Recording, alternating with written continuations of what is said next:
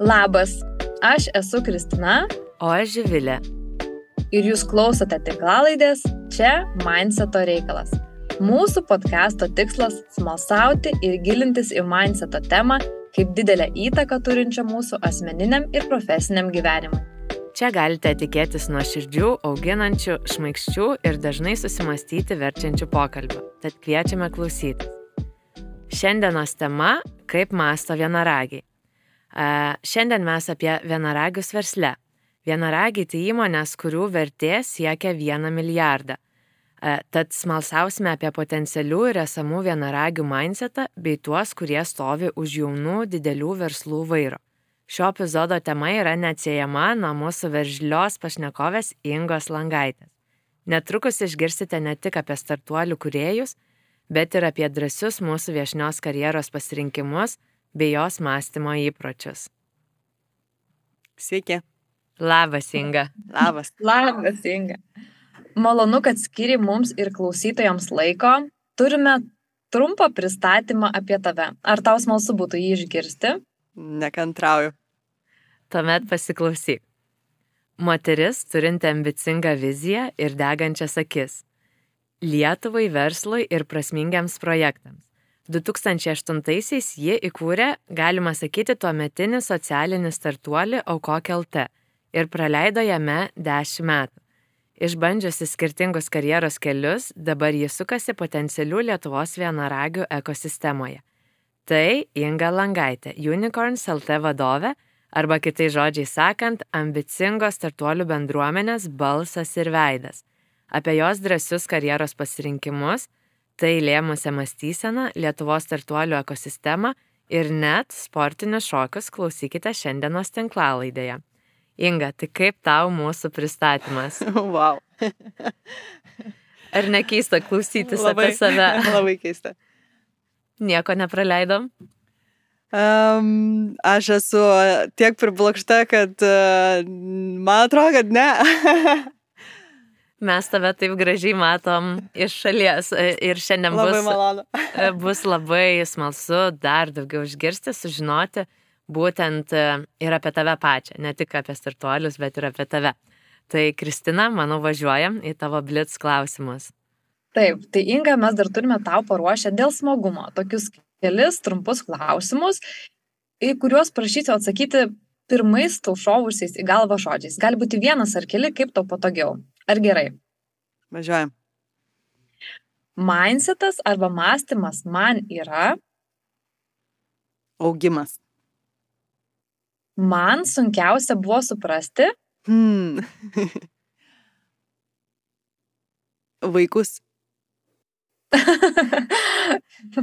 Mes turbūt abi sužvilį iš karto, o taip. Taip, pritarėm tau.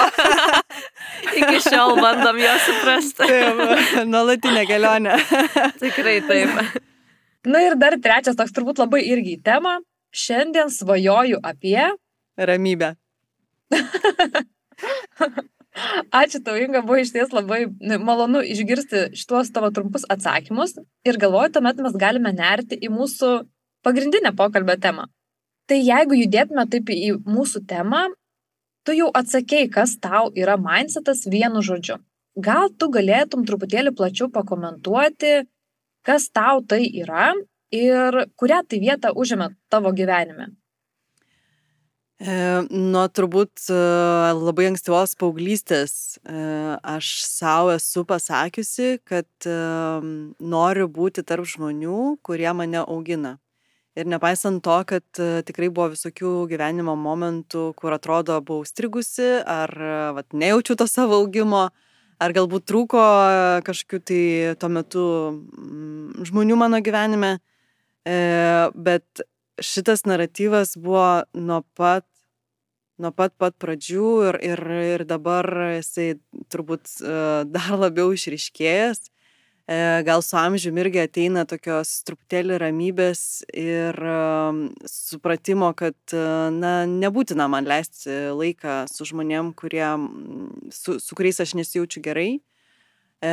Ir jeigu nežinau, verčia kažkokios e, aplinkybės, e, darbas, kažkokio ten įsipareigojimai ir taip toliau, tai tiesiog minimizuoju tą laiką, um, turiu mechanizmus, kaip save apsaugoti nuo, nuo toksik, tos, uh, toksiškų žmonių ir, ir labai kryptingai stengiuosi kuo daugiau laiko praleisti su tai žmonėm, kurie, kurie mane augina.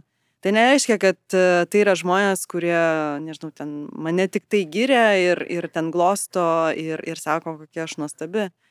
E, kartais tai gali būti žmonės, kurie kaip tik yra labai reiklus tiek savo, tiek aplinkiniams ir to pačiu man. E, bet jeigu aš jaučiu tą pozityvų balansą, e, kad aš augu ir, ir aš neaukoju e, savo psichinės sveikatos dėl to augimo, e, tai man tokie žmonės yra, wow, aš labai, labai, kaip čia, stengiuosi, kuo daugiau būti šalia jų. Ir, na, iš ties, tiesiog labai svarbu turbūt ir, ir darbinėje, ir asmeninėje aplinkoje labai aiškiai savo pasakyti, kur tu nori būti ir kur nenori būti. Ir, ir svarbiausia nesijausti kaltai. O, kai tu, kai tu nusprendi, kad labai smagus tie žmonės, bet dėl, dėl tam tikrų uh, aplinkybių ar ten kažkokių istorinių įvykių, nu, aš tiesiog šiuo metu noriu truputėlį atsiriboti nuo jų, mažiau bendrauti arba iš vis nebendrauti. Tai to kalties jausmo yra. tai čia turbūt irgi toks nuolatinis, nuolatinis darbas, tai nereiškia, kad aš kažkaip tobulai sugebu čia atsifiltruoti kada mm, einu į bendravimą, kada ne. E, čia toks irgi turbūt e, nuolatinis mokymasis ir augimas ir kelionė. Bet, bet jo, nubriežti tas ribas yra turbūt, na, ir šiaip labai svarbu savo pačiai. Mhm. Sutinku. O Inga, kada tu supratai, kad taip, kaip tu mastai, na, kokius tu pasirinkimus darai, darai net pati vaivardinai savo tokius kelius, kada tu supratai, kad tai gali iš esmės keisti ar koreguoti tavo tiek asmeninį ir profesinį gyvenimą? Tai kaip ir jau užsiminiau anksčiau, man turbūt nuo pat uh, pakankamai ankstyvos paauglystės, kai jau ten tokie atsiranda tie pirmieji pamastymai apie gyvenimą, um, na, tiesiog toks gal labiau jausminis, išjaustas uh, momentas, kai, uh, kai gal pradėkime nuo to, kad tiesiog turbūt yra poreikis aplamai augimui, asmeninis poreikis augimui. E, ir kas augina, augina patirtis, augina žmonės aplinkui. E, tai tiek e, imiesi kažkokių įdomių patirčių, kur kartais tikrai reikia ir drąsos, ir, ir, ir susikaupimo, ir, ir na, išeiti iš tos e, komforto zonos e, tiek ir žmonių klausimų. Tiesiog e, norisi būti su tais, su kuriais jauti, kad augi. O kokią vietą tavo gyvenime užima intuicija? Dabar vis didesnė, um, nes reikia pripažinti, kad um, mano karjeros gal tokio pradžioje tai uh, va, tas loginis protas, sprendimai, tai buvo, buvo pagrindinis driveris, bet šiandien dienai aš vis dažniau sauliaidžiu išgirsti savo intuiciją ir, ir įsiklausyti ir pasitikėti ją. Ir ta intuicija, aš nemanau, kad čia yra kažkas magiško ar metafiziško, nes uh, tiesiog turbūt su gyvenimo patirtim tos mūsų smegenys turi tiek e, daug informacijos, kurios mes sąmoningai neapdorojame, bet na, tas uh, back office'as ar backendas, jeigu į tai terminai išnekant, vis tiek dirba, vis tiek apdoroja tą informaciją ir tiesiog kartais mes sprendimą uh, žinom, pajaučiam dar iki tol, kol uh, mums ateina loginiai argumentai tam sprendimui. Tai manau, kad e, labai svarbu uh, išgirsti tą intuiciją ir, ir ją pasitikėti. O Inga, turbūt esi girdėjusi tokį terminą kaip thinking fast. Ir oficialus to paaiškinimas būtų greitai priimtas protingas sprendimas pavojingose ar sudėtingose situacijose. Ką tau, tavo ar tavo aplinkos profesinėme gyvenime tai reiškia? Startuoliai, tai jie na, tikrai turi labai greitai priminėti sprendimus. Nes tai, na, startuolis pagal savo apibrėžimą, tai yra ypatingai sparčiai augantis e, tech verslas, e, siūlantis kažkokią tai visiškai naują sprendimo būdą, ar tai kažkokios tai veikimo būdose, verslo, kažkokios tai pasirinkimuose ar, ar procesuose. Ir augdamas greitai, nu, neišvengiamai tu turi nuolatos priminėti sprendimus, tai uh, vėlgi, kokie startuoliai turi daugiausiai šansų išgyventi visų pirma, o paskui ir užaukti iki pakankamai brandaus uh, amžiaus uh, dydžio ir, ir finansinės sėkmės. Tai yra būtent tie, kurie tuos sprendimus priminėja greitai, bet nepriminėja kažkiam pliname lauke, o priminėja remdamiesi duomenimis. Tai a, tipiškai startuoliai a, labai daro a, daug įvairių testų, na jeigu taip šnekant tuos, kurie dirba su, tiesiogiai su klientais, e, fiziniais asmenim. Tas AB testavimas, ar ne, jis vyksta nuolatos ir tobulinimas pačio produkto ir veikimo būdo. Tai kaip kartais jie patys sako, kad per savaitę startuolėje gali sužinoti ir na, suvirškinti informacijos, sužinoti, padaryti sprendimų tiek, kiek tokiam labiau tradiciniam versle per kokį mėnesį ar net ketvirtį. Ir net truputėlį dar išsiplėsiu, tose sprendimuose vėlgi reikia ir drąsos, ne tik greičio. Ir kai vat, mes dabar paskutinius metus, ar ne, žlugus finansinėms rinkoms, geopolitiniai situacijai keičiantis, girdim ypač užsienio rinkose apie atleidžiamos didelius darbuotojų kiekius didelėse tech kompanijose ar, ar startuoliuose. Ir mums tai atrodo, na, toks kažkokia tragedija, kažkokia drama, kaip čia viskas blogai. Bet iš tikrųjų startuoliuose tai yra pakankamai prasta praktika. Uh, labai greitai reaguoti į bet kokius e, rinkos ir aplinkos e, pokyčius. Ir visiškai normalu, kai tu matai, kad tau reikia na, imtis kažkokių veiksmų, kad tu galėtum išgyventi ir paskui vėliau aukti.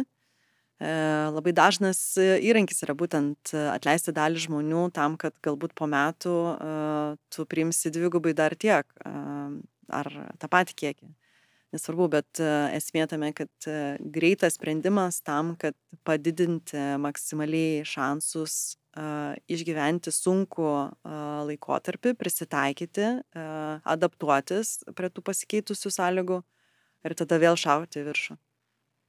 O kaip tavo pačios gyvenime, kai reikia priimti, pavyzdžiui, svarbesnius sprendimus? Ar tu juos taip greitai priemi, ar labiau apgalvotai, išmastytai?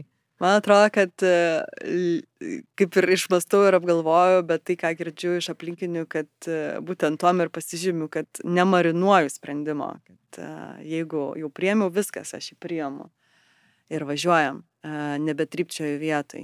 Tai turbūt kažkur tiesa per vidurį?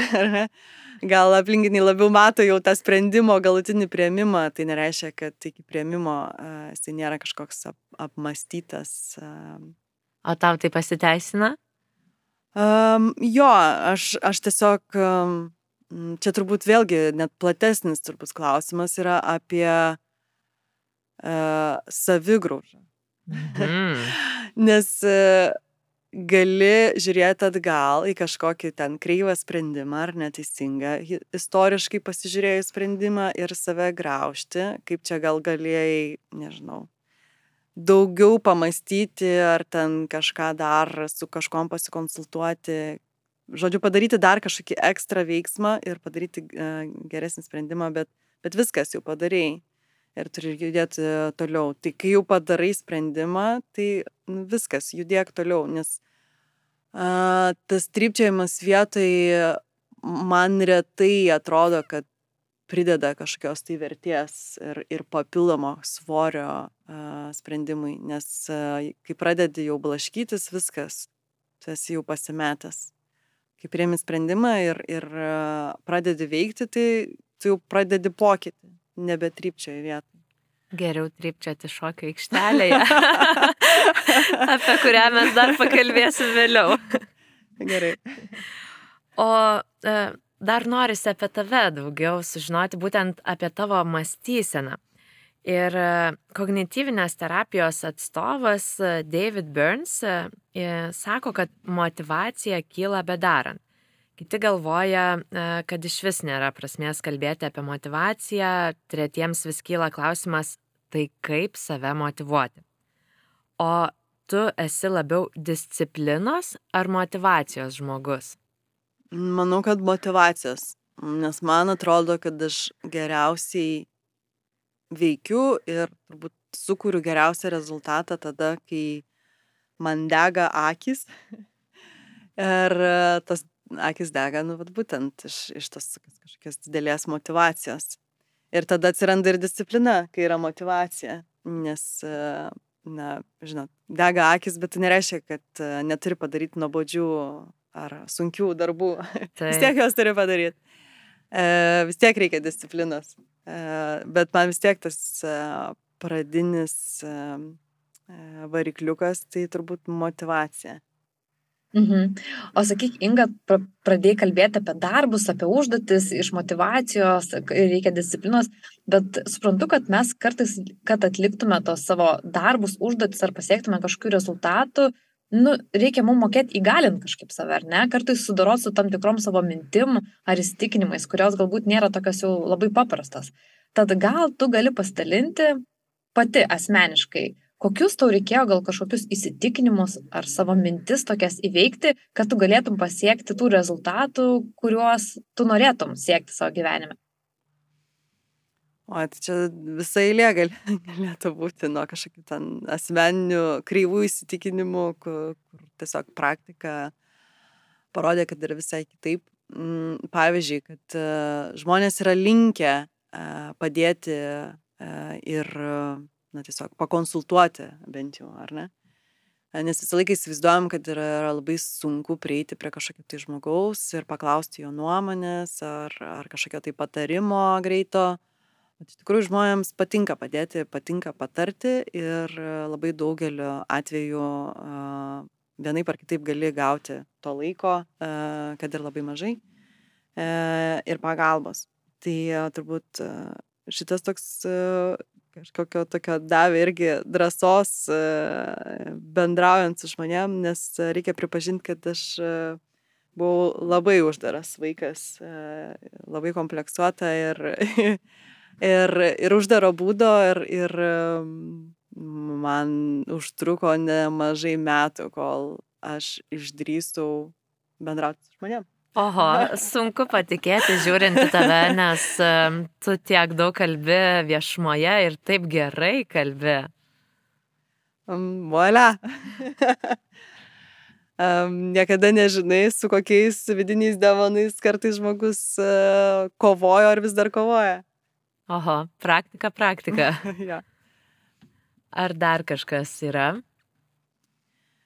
Um, dabar taip greitai kažkas uh, nešauna į galvą, bet uh, nuo tokių techninių ir smulkių, kad uh, vėlgi, uh, kai aš užstringu ir jaučiu, kad kažkokį tai darbą jau uh, atidėlioju ir atidėlioju kurį laiką, aš tiesiog savo primenu visus tuos atvejus, kai uh, vat būtent aš atidėliodavau kažkokį darbą, nes tai man atrodavo kažkoks didelis baubas, o pasirodavo, kad ten gal užtenka tik 15 minučių tam darbui, uh, gal pusę valandos gal užtenka tik tai vieno uh, kažkokio pokalbio, prašant patarimo ir tu randi sprendimą kažkokiam labai sudėtingam uh, sprendimui uh, priimti. Tai tiesiog tas atidėliojimas, uh, nežinau lietuviško žodžio, prokrastinacija. Yra toksai.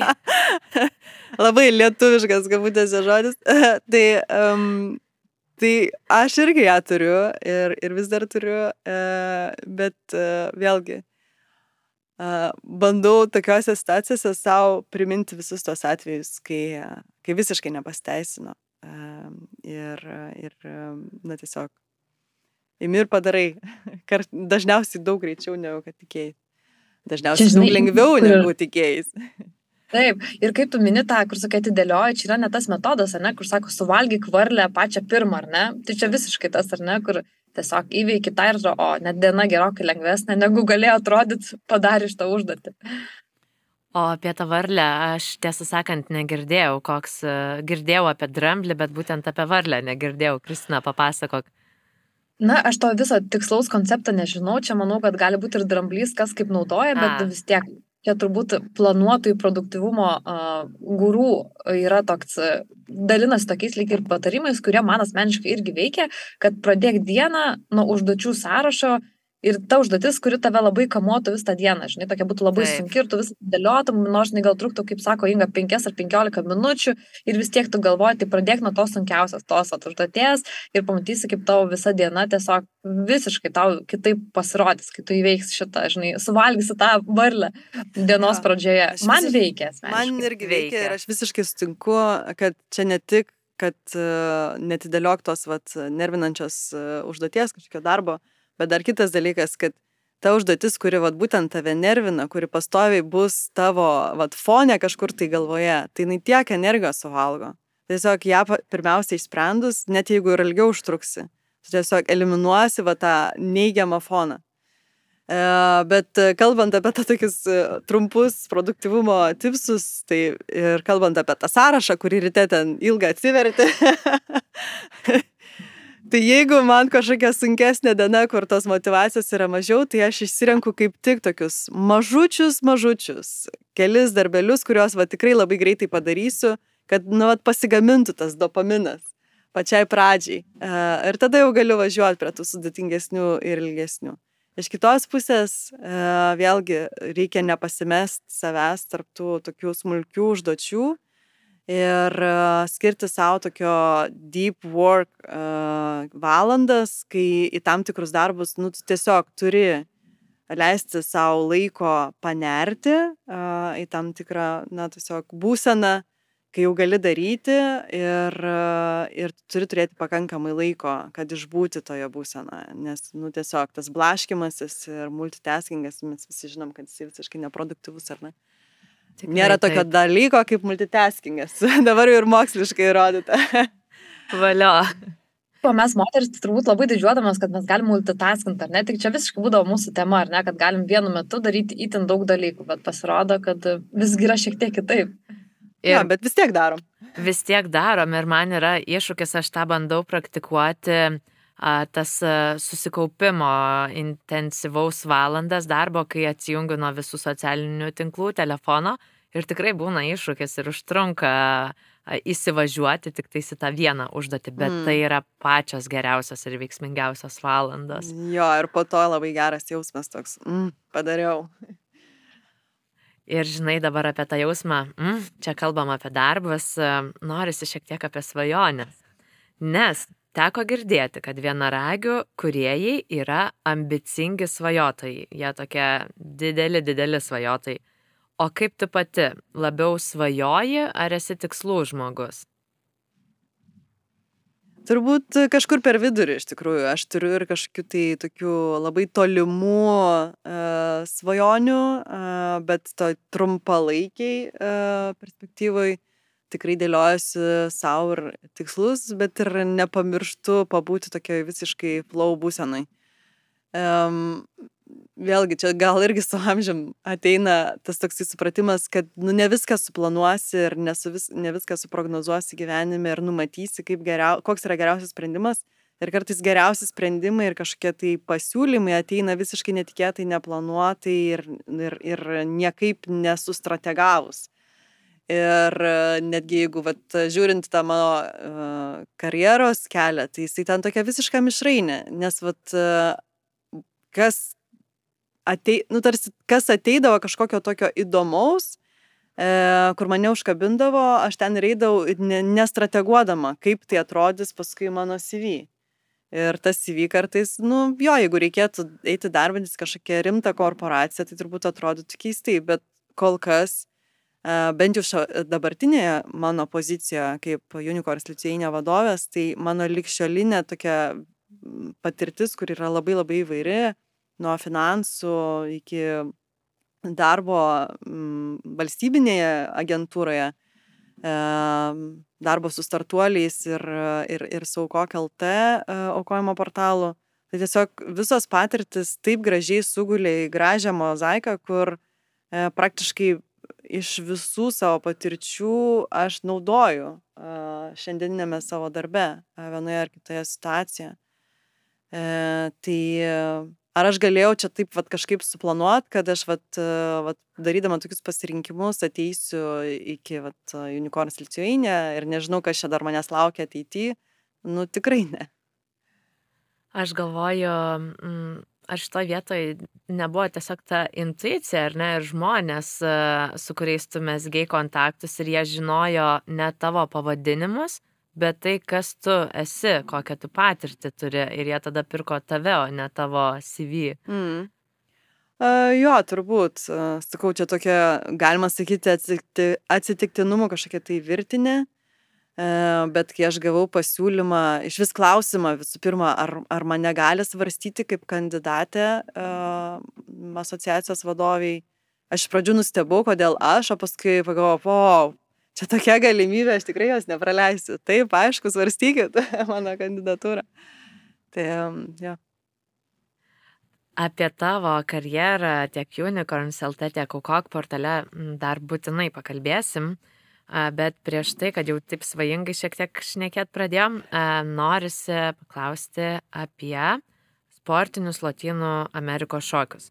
Tu pati minėjai šiandien, kad tavo laikas yra ribotas. Tai kam tau dar šokiai tavo gyvenime?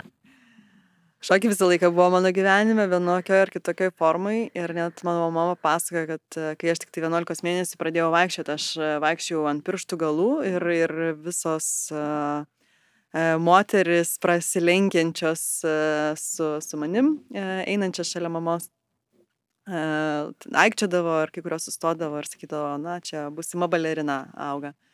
Tai balerina ne, netapau ir, ir labai gerai, ačiū tėvams, kad nors ir svarstė labai rimtai, bet neįsintė manęs iš Šiaulių į Vilnių į baleto mokyklą e, paauglystėje e, ankstyvoj. Bet, e, bet aš kažkiek šokau e, vaikystėje tos pačius e, sportinius šokius, nieko ten kažkokių aukštumų tikrai nepasiekiau, nes kaip ir minėjau, buvau labai labai kompleksuotas vaikas. Ir, bet šokti visą laiką mėgau, tai man ir iki šiol geras vakarėlis yra tada, kada arba buvo labai uh, smagu su kažkokiais žmonėm pakalbėti, tai galbūt pajokauti, galbūt deepdivinti kažkokias temas, arba buvo geri šokiai. o ką tau dabar suteikia šokiai? Begalinį malonumą iš tikrųjų. Net sunku iš tikrųjų paaiškinti žmonėms, kurie nėra tame, nes tai nėra vien tik tai kažkokia fizinė veikla, ar ne? Kažkas bėgioja, kažkas tenisą žaidžia. E, bet tai yra turbūt ir saviriškos būdas e, ir mm, tam tikra ir, ir augimo kelionė. Vat, e, o augi toje technikoje, ar ne, kaip tu techniškai gerai uh, šoki, bet lygiai taip pat ir kaip gerai jautiesi savyje, savo kūne, uh, pagaliau ant parketo varžybų metu. Uh, tai man tokia labai gera simbiozė su, su, darbai, su darbinė veikla. Nes vienas dalykas, kai aš išeinu į treniruotę, aš negaliu galvoti apie darbus tuo metu, nes aš kitaip na, nesusikaups treniruotėjai. E, bet kai aš dirbu, aš irgi negalvoju apie šokius. e, tai visai geras gaunasi galvos perkrovimas treniruotės metu, ypač geras, geras e, galvos perkrovimas vyksta per varžybas, nes tada tai jau vis, visiškai visa diena būna labai stipriose emocijose ir ten ir jaudulys, ir adrenalinas, ir, ir didžiulis pasitenkinimas, malonumas, kaip aš sakau, kad ten toks um, dopamino, serotonino ir, ir adrenalino mišinys uh, gaunamas per vieną dieną, kad uh, labai sunku turbūt uh, kažkur kitur tokį net ir patirti. Nuo šokių tiesiog pakeliaukime dabar tavo tais profesiniais takeliais, pakalbėsim galbūt apie tą mišrainę, kurią tu sumaišiai iš savo karjeros. Ir tiesiog visai neseniai socialiniam burbulė girdėjau tokią mintį, kad mes gyvename etapais. Kažkam pasibaigus, mes lyg pakimbome ore, kol suvokime, kur tolimesnis mūsų kelias. Ir tas pakibimas dažnai būna toks skausmingas ir nepatogus. Ar tu turėjai tokių etapų savo gyvenime? Gal gali pasidalinti daugiau? Mm. Tai buvo toks tikrai labai stiprus ir, nu, mano akimis, tai gal net ir užsitęsęs etapas e, po to, kai aš supratau, kad e, dešimt metų saukok LT yra ta riba, kur e, viskas aš jau turiu sustoti ir perduoti aukojimo portalą kažkam kitam, o pati judėti jau kažkur kitur ir, ir kur tas kitur. Čia buvo toks labai kartais net skausmingas klausimas, nes dešimt metų praleidus nevyriausybinėme sektorija, e, nu, kažkaip aš buvau praradus tikėjimą e, savim, kad aš dar galiu būti kažkaip tai naudinga verslo e, sektorija. Ir man tikrai užtruko laiko, kol e, aš visų pirma pati savo e, atsakiau klausimus, tai iš vis į kokį verslą, kokią sritį, kokią poziciją e, aš norėčiau taikyti, ko, tada ko man trūksta, kokių įgūdžių ir panašiai. Tai tai taip ir buvo, kad aš tiesiog savo įsigrinau, kad vis dėlto norėčiau į tech sektorių, programuotoją tikrai supratau, kad tikrai netapsiu, bet nepaisant to vis tiek nuėjau programavimo kursus tam, kad na, tiesiog suprasti, kaip tai valgom, ar ne, kad galėčiau susišnekėti su tais pačiais programuotojais. Ir reikia pasakyti, kad tikrai man gerai sekėsi, nes iš trijų dėstytojų, su kuriais mokiausi, visi trys uh, manęs vis perklausdavo, ar nepersigalvo, ar tikrai nenori tapti programuotoja. E, tai programuotoja netapau e, ir, bet, na tai nereiškia, kad tas, tas tarpas, e, kol tu nu, taip pakankamai radikaliai keiti e, savo profesinį kelią, kad jisai buvo kažkoks labai lengvas um, ar labai trumpas. Nes vėlgi, um, iš uh, tos pačios Women Go Tech programos, ar ne, kur mes su Živilė ir susipažinom, e, labai dažnai būdavo, kad e, užsifiksuoji į tas sėkmės istorijas, kur atrodo, va, atėjo, po dviejų mėnesių jau dirba kažkokiai visiškai kitoj srityje, naujoj pozicijoje, o tu čia pusę metų va, a, programuoji kažką ir nematai dar, kur tu čia dabar naisi. Bet iš kitos pusės labai svarbu turbūt e, tame sunkume e, išbūti ir visose tose emocijose ir išlaukti to momento,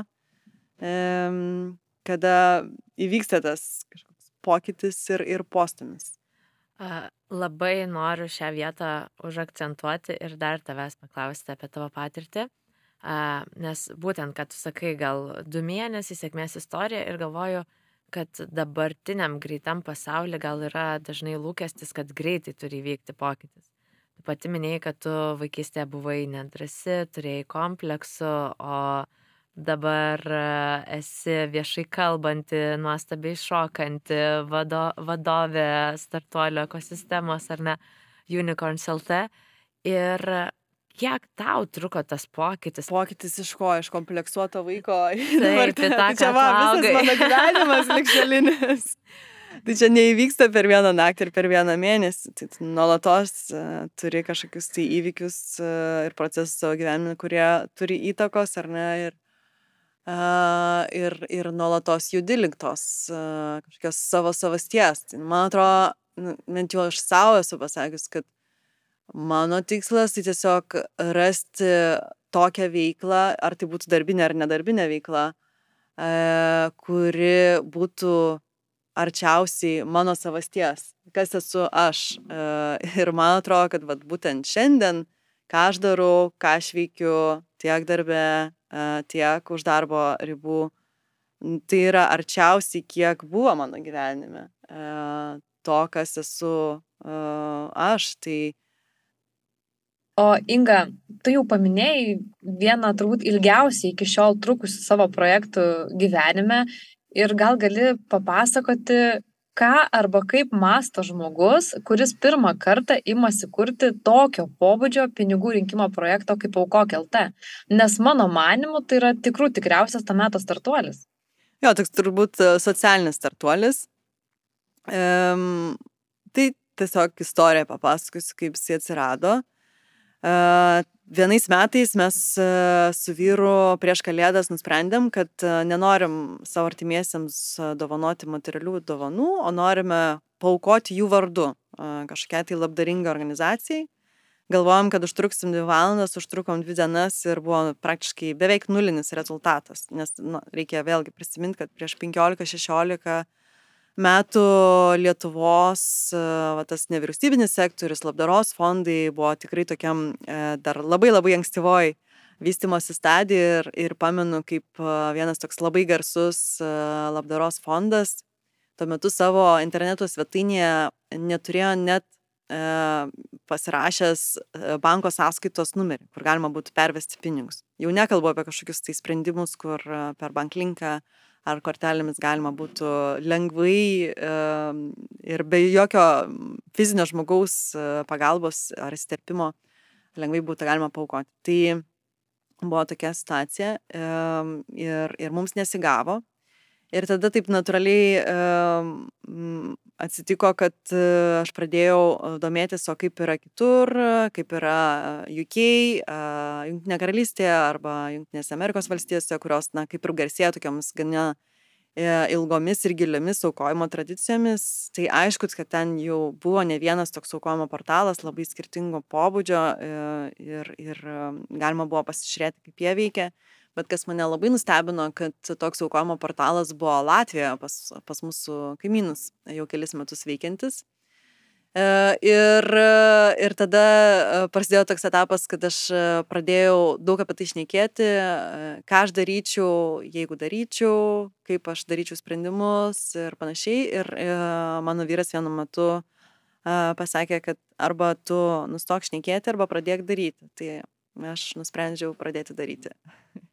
Tai buvo tikrai uh, visiška avantūra uh, iš dabartinių perspektyvų, taip uh, šnekant. Uh, nes neturėjau absoliučiai jokios patirties nevyriausybinėme sektorėje, iki tol dirbau versle ir, ir startuoti vat, tokį projektą, nežinant iš tikrųjų, nepažįstant to sektoriaus, tai buvo, nu, tokia tikrai drąsiai jaunatviška avantūra, kuri užaugo į tokį labai stiprų E, stiprų aukojimo portalą, koks yra šiandien aukok LT. Vėlgi dar papasakosiu tokius niuansus, kad e, nuo pat pradžių tai buvo labdaringas projektas, ar net, prasė, ne, nebuvo jokio tikslo ir nėra tikslo užsidirbti kažkaip asmeniškai pinigų iš to projekto. Toks e, kaip kartais net pusiau jokiais ir sakydom, kad, na, dovana Lietuvai, ar ne? Bet kokius pirmus du metus net mūsų artimi draugai vėliau, aišku, jie tą prisipažino, sakė, nu mes du metus visai ten narstėm tos skaičius, žiūrėjom, nagrinėjom, nu kur čia tas pelnas. Nu, nu negali būti, kad čia vat, yra vat, be, be jokio pelno tikslo šitas projektas. Bet po dviejų metų įvairių ten analizų ir nagrinėjimas ir diskusijų uh, už mūsų nugarų vis dėlto buvo nuspręsta, kad, a, tai, tai vis dėlto čia nepelno projektas. Labai pasiteisinęs. Taip.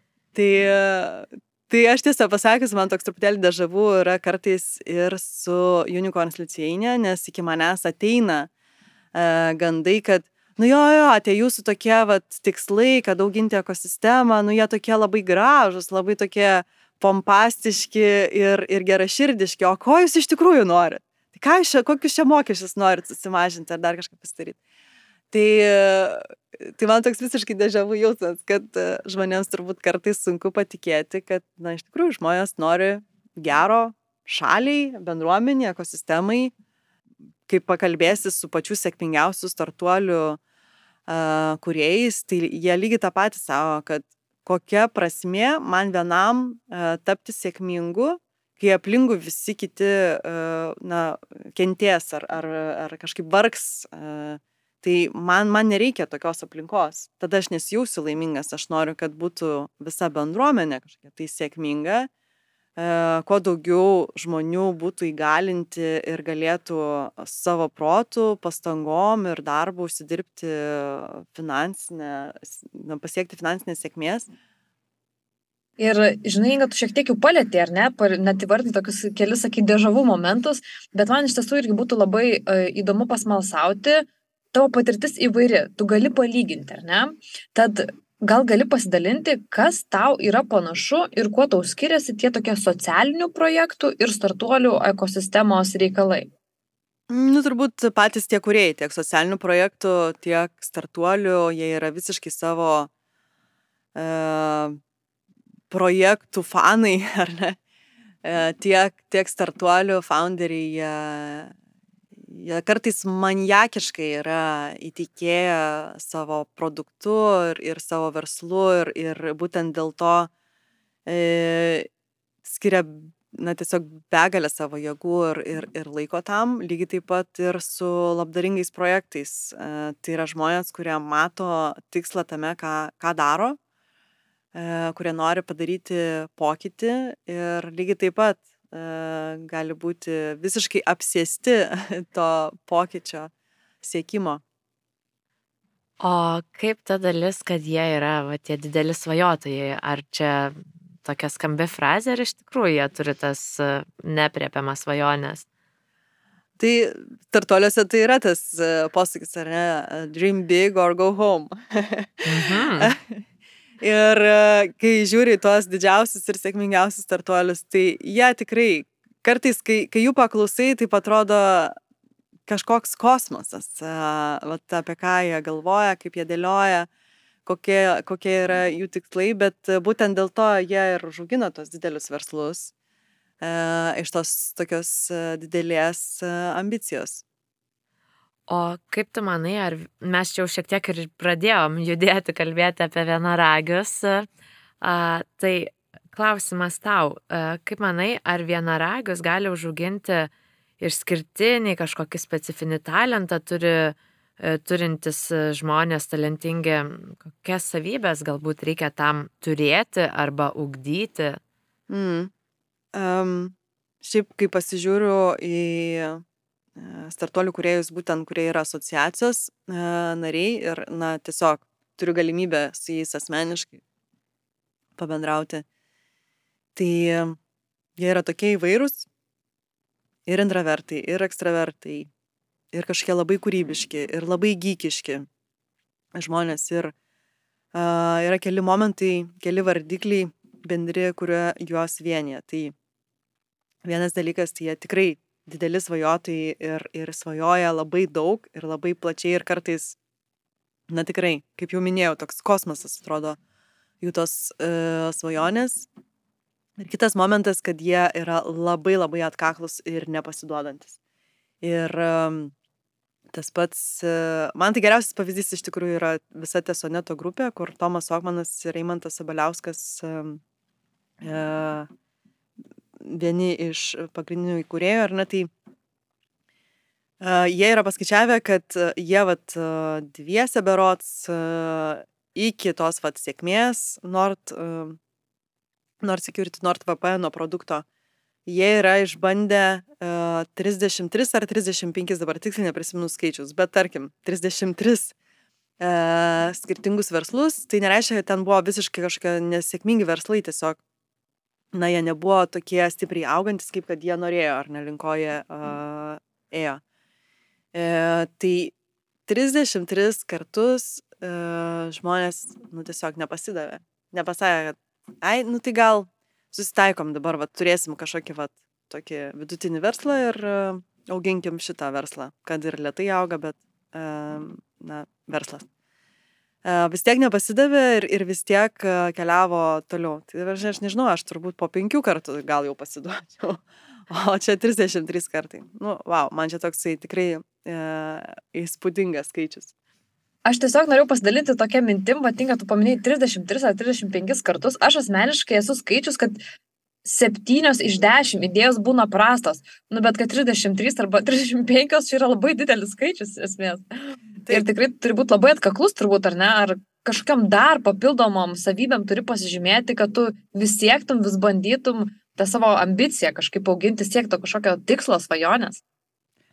Tai kaip jau ir minėjau, tiesiog e, nepaleistos ambicijos ir būti atkakliam, nepasiduodančiam. Nes, e, man atrodo, yra dar vis dar toks mitas, kad startuoliai tai čia vat, turiu vat, kažkokią idealią idėją, tai jau viskas, jau čia mano ta idėja verta pinigų ir aš jau čia vat, gausiu iš kažkokio rizikos kapitalo fondo pradinį kapitalą ir, ir jau aš jau būsiu sėkmingas, jau garantuoti milijonai, ar ne, mano sąskaitoje po kelių metų. Tai tikrai taip nėra idėjų yra biliekiek sklandančių ore, bet iš tikrųjų sėkmė aplanko tuos, kurie daro, o ne tik generuoja idėjas.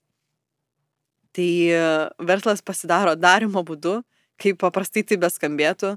E, ir reikia suprasti, kad tie, kurie jau yra žaugiai iki tam tikro dydžio, tai jie turėjo turbūt begalę sudėtingų situacijų ir turbūt ne vieną situaciją, kur galėjo ir žlugti, e, ir užsidaryti, e, ir galėjo būti visiška nesėkmė, e, bet vėlgi ten buvo galbūt kažkokie tai teisingi sprendimai, kažkiek labai daug darbo įdėta ir, ir būtent tas sėkmė dabartinė yra būtent na, to tokio nuolatinio, iš tikrųjų, nepasidavimo darbo produktas. Tai nėra kažkoks tai, nežinau, nusileidęs e, iš kažkur. Niekas neteis ir, ir lengvai ten tų milijonų taip ne, nedalina iš tikrųjų. Čia toks įsivaizdavimas, ar ne, kad jau sugalvojau idealią verslo idėją, tai jau viskas. E, vėlgi dar kitas mitas, kad jau sugalvojau tą verslo idėją, tai wow, čia dabar jau bus verslas. Bet realybė yra tokia, kad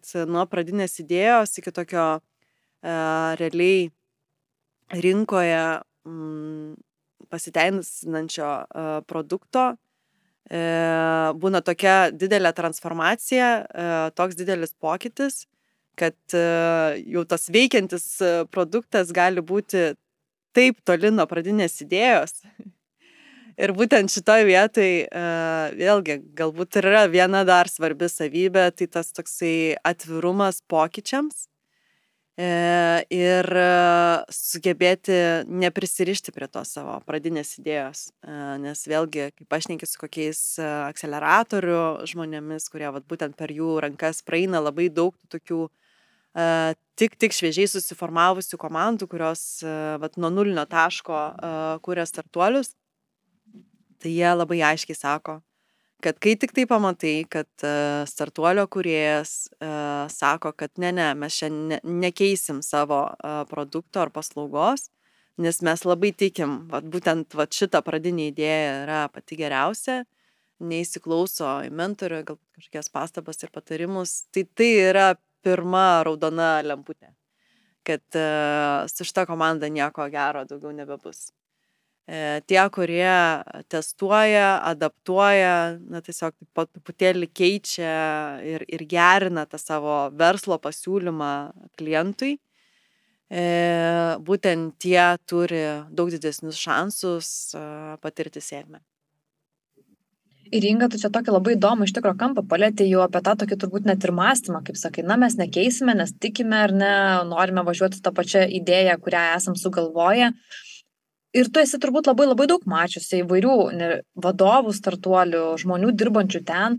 Paminėjai kelis tokius aspektus - atkaklumas, svajonės, tikslo sėkimas, ar ne, galbūt motivacija, disciplina, bet gal dar yra kažkokių tokių lyg ir pasikartojančių mąstymo modelių, kurie tavo manimu padeda užauginti tą projektą, idėją. Drąsa gal turbūt irgi. E, ir čia, man atrodo, gal yra viena iš labai daugelio priežasčių, kodėl mes matom labai mažai moterų startuolių kuriejų. E, nes tos drąsos vis dėlto moterį, man atrodo, pritrūksta. E, mes esam labai kritiškos savo ir yra daug ir mokslinio tyrimų padaryta, ar ne, kai, tarkim, kai vyras aplikuoja kažkokią tai naują poziciją, tai jisai sako, va, maždaug pusę kriterijų atitinku, aplikuoju. Ir visiškai labai gerai jaučiasi ir, ir savim pasitikė ir mano, kad puikiai tinka tai pozicijai. Kai tuo tarpu moteris, jeigu netitinka šimto procentų reikalavimų, ji net neaplikuoja, net nebando. Tai, tai čia tokios, jo, turbūt ir drąsos reikia. Ir kalbant apie savybės, užduosiu kiek kitokį klausimą. Ir tu mane pataisyk, jeigu aš čia kažkur klystu. Bet kalbant apie startuolius, kartais tenka girdėti iš darbuotojų, esamų ar buvusių dviprasmiškus atsiliepimus apie įmonės įkurėją ar, pavyzdžiui, pagrindinį vadovą. Kad jis toks kietas, griežtas ar dar koks nors, tarkim, nepatogus. Nesinori klijuoti etikečių, bet nerandu kitų žodžių. Suprantu, kad tai yra tik tų žmonių nuomonė. Bet kaip tu manai, gal stovint už vienaragių ar didelių verslų vairo reikia, taip vadinamų, tų nepatogių savybių tam tikrų. Aš tai taip gal net neapibendrinčiau, kad čia e, būdinga tik tai startuoliams ar tech kompanijoms. E, aplamai, kai esi verslo kuriejas, e, tai tu turi priimti pačius nepatogiausius ir nemaloniausius sprendimus, ar ne? Ir visą laiką rūpintis visais kitais, visų darbuotojų motivacija, o tavo motivacija niekas nesirūpina. Tu esi kaip čia, net yra posakis, kad tu esi vienišas viršuje, ar būdamas vadovas, ar, ar savininkas. Tai natūralu turbūt, kad, kad ir to kažkokio kietumo, griežtumo ir, ir atšiaurumo tikrai yra. Vėlgi reikia suprasti, kad startuoliai nuo tokių labiau tradicinių verslų skiriasi, kad ypač labai, nu, suprasti, turi tą tokią savybę, kad kažkuriuo momentu labai labai greitai auga, tas tikrai sukelia labai didžiulį streso e, krūvius ir žmonės ir perdega, visokių vėlgi yra istorijų. Ir kitas dar momentas, kad e, vėlgi statistiškai bent jau mūsų šalyje startuolių kuriejai yra vis dėlto jaunesni žmonės. Mm. E, ir na, natūralu, kad jie ir pagaliau turi mažiau patirties, kaip vadovauti uh, didelėms komandoms ir, ir na, kompanijoms. Ne? Tai, um, manau, kad e, gali būti šitos priežastys. O minėjai jaunesni žmonės, gal žinai, koks daugmaž e, amžiaus intervalas tie jaunesni?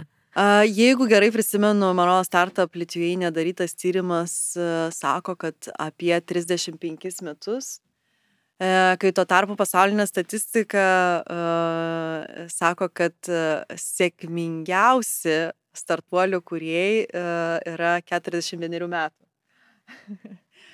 Tai vis dėlto kažkokio to e, e, brandumo e, reikia ir patirties, ar ne, tam, kad e, patirtum e, sėkmę. Tai vėlgi ties tą patį startuolį, ar ne? E, tai tie vadinami serijiniai startuoliai, kurie e, pradeda vieną, jį parduoda galbūt, tada e, kitą, kito imasi. Tai E, ir natūralu, kad per tuos kelis e, susikaupia kažkokios tai patirties, e, pagaliau kontaktų, ryšių ratas ir panašiai. Ir tada jau, kai jau kuri ten tą penktą ar septintą savo startuolį, 40 kažkelių metų, kad tada yra didžiausia tikimybė sėkmiai. Tai žodžiu, tie jaunieji mūsų startuolių, kurie jie dabar kaupia patirtį, kad o, būtų tarp top. Tikrai taip. Ir kalbant platesniu mastu, viename savo straipsniu tu esi sakiusi, cituoju, startuoliai lemia mąstysenos ir kultūros pokyčius šalies mastu. Papasakok daugiau apie tuos būtent mąstysenos pokyčius, kokius juos formuoja startuoliai, apie mm. mąstyseną. Na, tai gerai, galim pradėti tiesiog nuo, nuo tokio įmonės e, ligmens, ar ne? Tai e, iš tokių tradicinių verslų jau e, įvairių lygio vadovų irgi girdžiu, kaip jie bando e, įnešti startuoliškumo į savo būtent netradicinio verslo e, struktūras, į korporacijas? Tai ką jie mato patrauklaus startuoliuose, tai vat, būtent tą greitumą, inovacijas,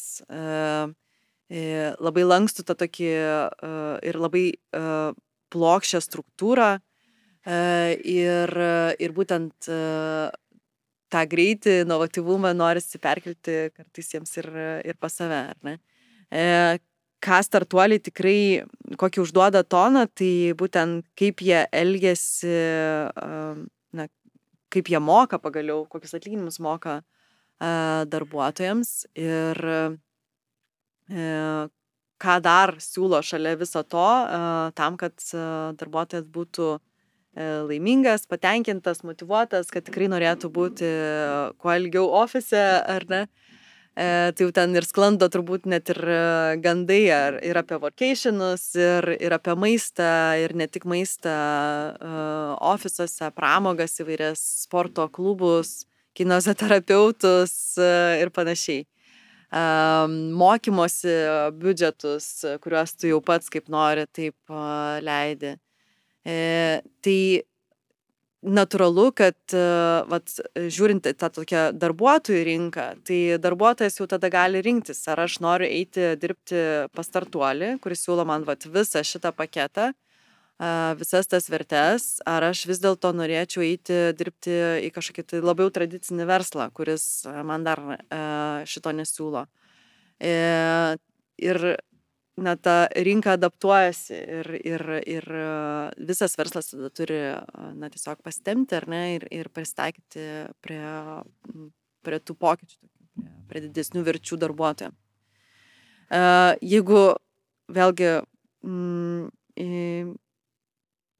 nežinau, man atrodo, net tokio, net uh, iš įvaizdžio pusės uh, labai dažnai, ką, ką mes matom, kad tie startuolių kuriejai uh, ir vadovai, jie tokie bent jau atrodo kaip žmonės iš gatvės, ar ne, kurie nesivaiko bent jau iš pirmo žvilgsnio kažkokio tai išorinio statuso atributų. Ir um, labai retai ten su kokiu švarku pamatysi ar kažkokiais kitais uh, brangesniais aprangos elementais. Uh, ir tai irgi turbūt užduoda tam tikrą toną, jeigu anksčiau tai, na, na tie, tie tokie prabangos tokie elementai, jeigu tu esi, na, savininkas ar, ar vadovas verslo buvo labai svarbus ir ten visi ten kodai atrodo ir, ir, ir paslėptos žinutės, kurias turėdavai išmokti ir panašiai, kaip tu turi atrodyti, kokį laikrodį sėgėti e, ir, ir kiti elementai. Tai šiandien dienai, man atrodo, jau net nebėra svarbu ir, ir net tokiuose labiau tradiciniuose versluose. Visi daugiau atsipalaiduoja šito klausimu. Bet yra ir, ir, ir kitas momentas. E, startuoliai dėl to, kad tai yra verslai, na bent jau Lietuvos atveju, tai yra verslai, kurie dirba iš Lietuvos, bet e, parduoda savo produktus e, visame pasaulyje, Lietuva jiems nėra rinka ir jie čia tarpusavį nekonkuruoja ir didžiausia konkurencija, kur atsiranda tarp jų, tai tik tai dėl talentų, tik tai dėl darbuotojų. E, tai jie e, visiškai kitaip žiūri ir pačią Lietuvą kaip, kaip jurisdikciją, kaip, kaip šalį. E, vienas dalykas, kad jie tiesiog iš tokių patriotinių jausmų nori čia likti ir tai yra dažno, netgi labai sąmoningas, racionalus pasirinkimas nerelokuotis kažkur tai kitur, kur galbūt truputėlį na, palankesnės kažkokios tai verslo sąlygos, bet tuo pačiu yra didelis noras, kad Lietuva taptų tą inovatyvių produktų ir paslaugų šalimi, vienaragių šalimi, ar ne, vienaragiams geriausia vieta pasaulyje tam, kad tiek, kuo daugiau tų startuolių steigtųsi čia Lietuvoje, tiek ir uh, mes galėtumėm a, pritraukti iš kitų šalių a, tokius inovatyvius a, verslus atvykti dirbti iš Lietuvos. Ir a, m, iš to, ką aš matau, tai taip, tai yra skirtinga a, nuo tokios a, iki šiol paplitusios tokios, paplitusio verslo balso naratyvo ir Ir, ir dėl to mes kaip startuoliai, kaip startuolius atstovaujanti asociacija, na ir esame matomi kaip tokio naujos verslo kartos balsas, ar ne, kur mes keliam klausimus apie švietimą, nes, nes mums skauda um, problemos su švietimu. E, ir ar čia yra verslo interesas, na, tie švietimo klausimai, kurie atveda talentą per artimiausius dviejus metus, tai tik tai tiek gali būti verslo interesas, kai mes šnekam apie uh, mūsų vaikų, mūsų visų vaikų gebėjimus nuo pat pradinių klasių gebėti dirbti su technologijomis, nes ateitis tikrai bus uh, paremta technologijomis, ar ne? Tai uh, čia yra jau tokia ilga perspektyva, kad tai nu, jau nebėra verslo interesas, tai toks jau labai to, nu, tolimas uh, tikslas ir tolimas dar bus rezultatas. Tai mes labai daug apie tai komunikuojam, nes mums tai svarbu. E, iš tikrųjų ir, ir šnekamės ir, ir su švietimo atstovais, ar ne, tam, kad na, maksimaliai kiek yra mūsų galimybėse padėti kažkokios tai sprendimuose ar procesuose. Tai e, turbūt tas e, yra nauja e, ir nelabai gal dar buvo įprasta viešoje erdvėje. Na ir pačiai pabaigai, Inga, aš turiu tokį klausimą. Yra gana populiarus konceptas užsienyje, na turbūt būsi girdėjęs kaip Female Founders ar ne, irgi startuolių projektas, dabar taip pat sparčiai populiarėja toks konceptas kaip moteris moteriams ir Lietuvoje. Na pavyzdžiui, asociacija lyderė, moterų klubai, pati tu minėjai ir dalyvavai, dalyvavai Women Go Tech projekte, ar ne? Tai ir aš esu pastebėjusi tavo moterų startuolių kuriejų pusryčius. Kodėl tau svarbu bendruomeniškumas? Mm, tai aš visų pirma pati moteris ir man na, buvo e, pačiai labai smalsu susipažinti su jomis artimiau. E, tai čia toks e, pradžia buvo visiškai egoistinė.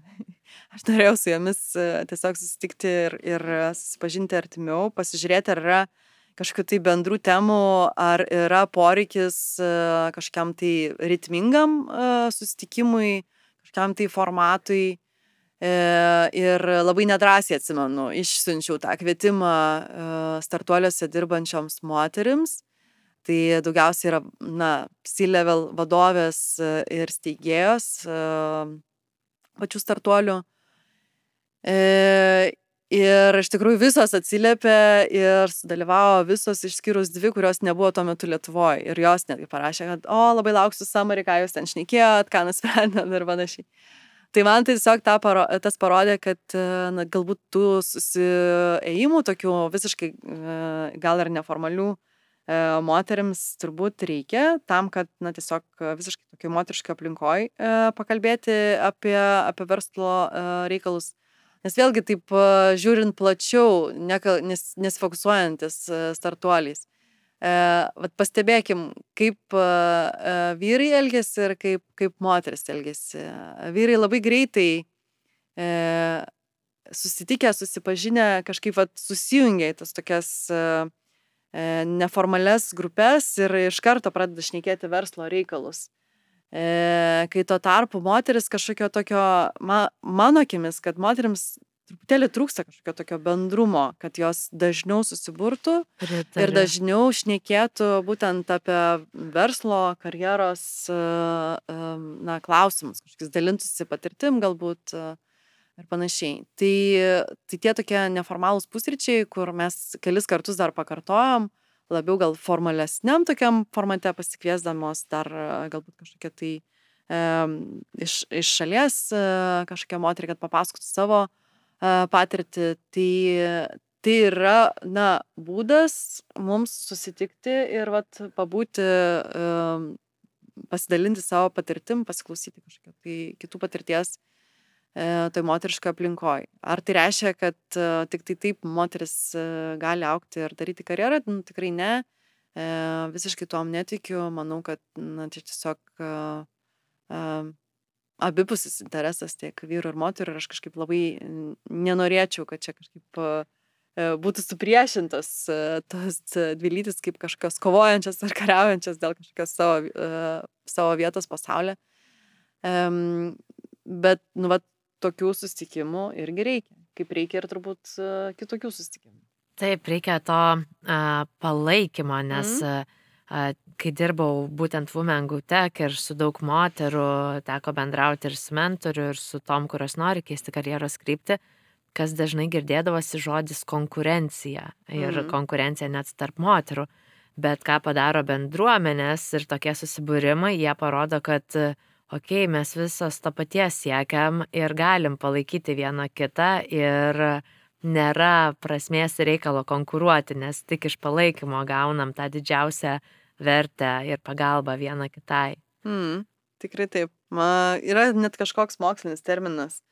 E, moteriai, kuri yra pasiekusi kažkokiu karjeros ar verslo aukštumu tipiškai vyriškoje srityje, ir kuri būtent atsidūrusi toje to, to pozicijoje neigia, kad ji patyrė sunkumų uh, siekdama ir uh, ne tik neigia, bet uh, netgi dar labiau, čia pasakyti, engia ar net trukdo kitoms moteriams, nepadeda, uh, paprastai tariant, nepadeda kitoms moteriams, kurios yra dar tik tai kelyje.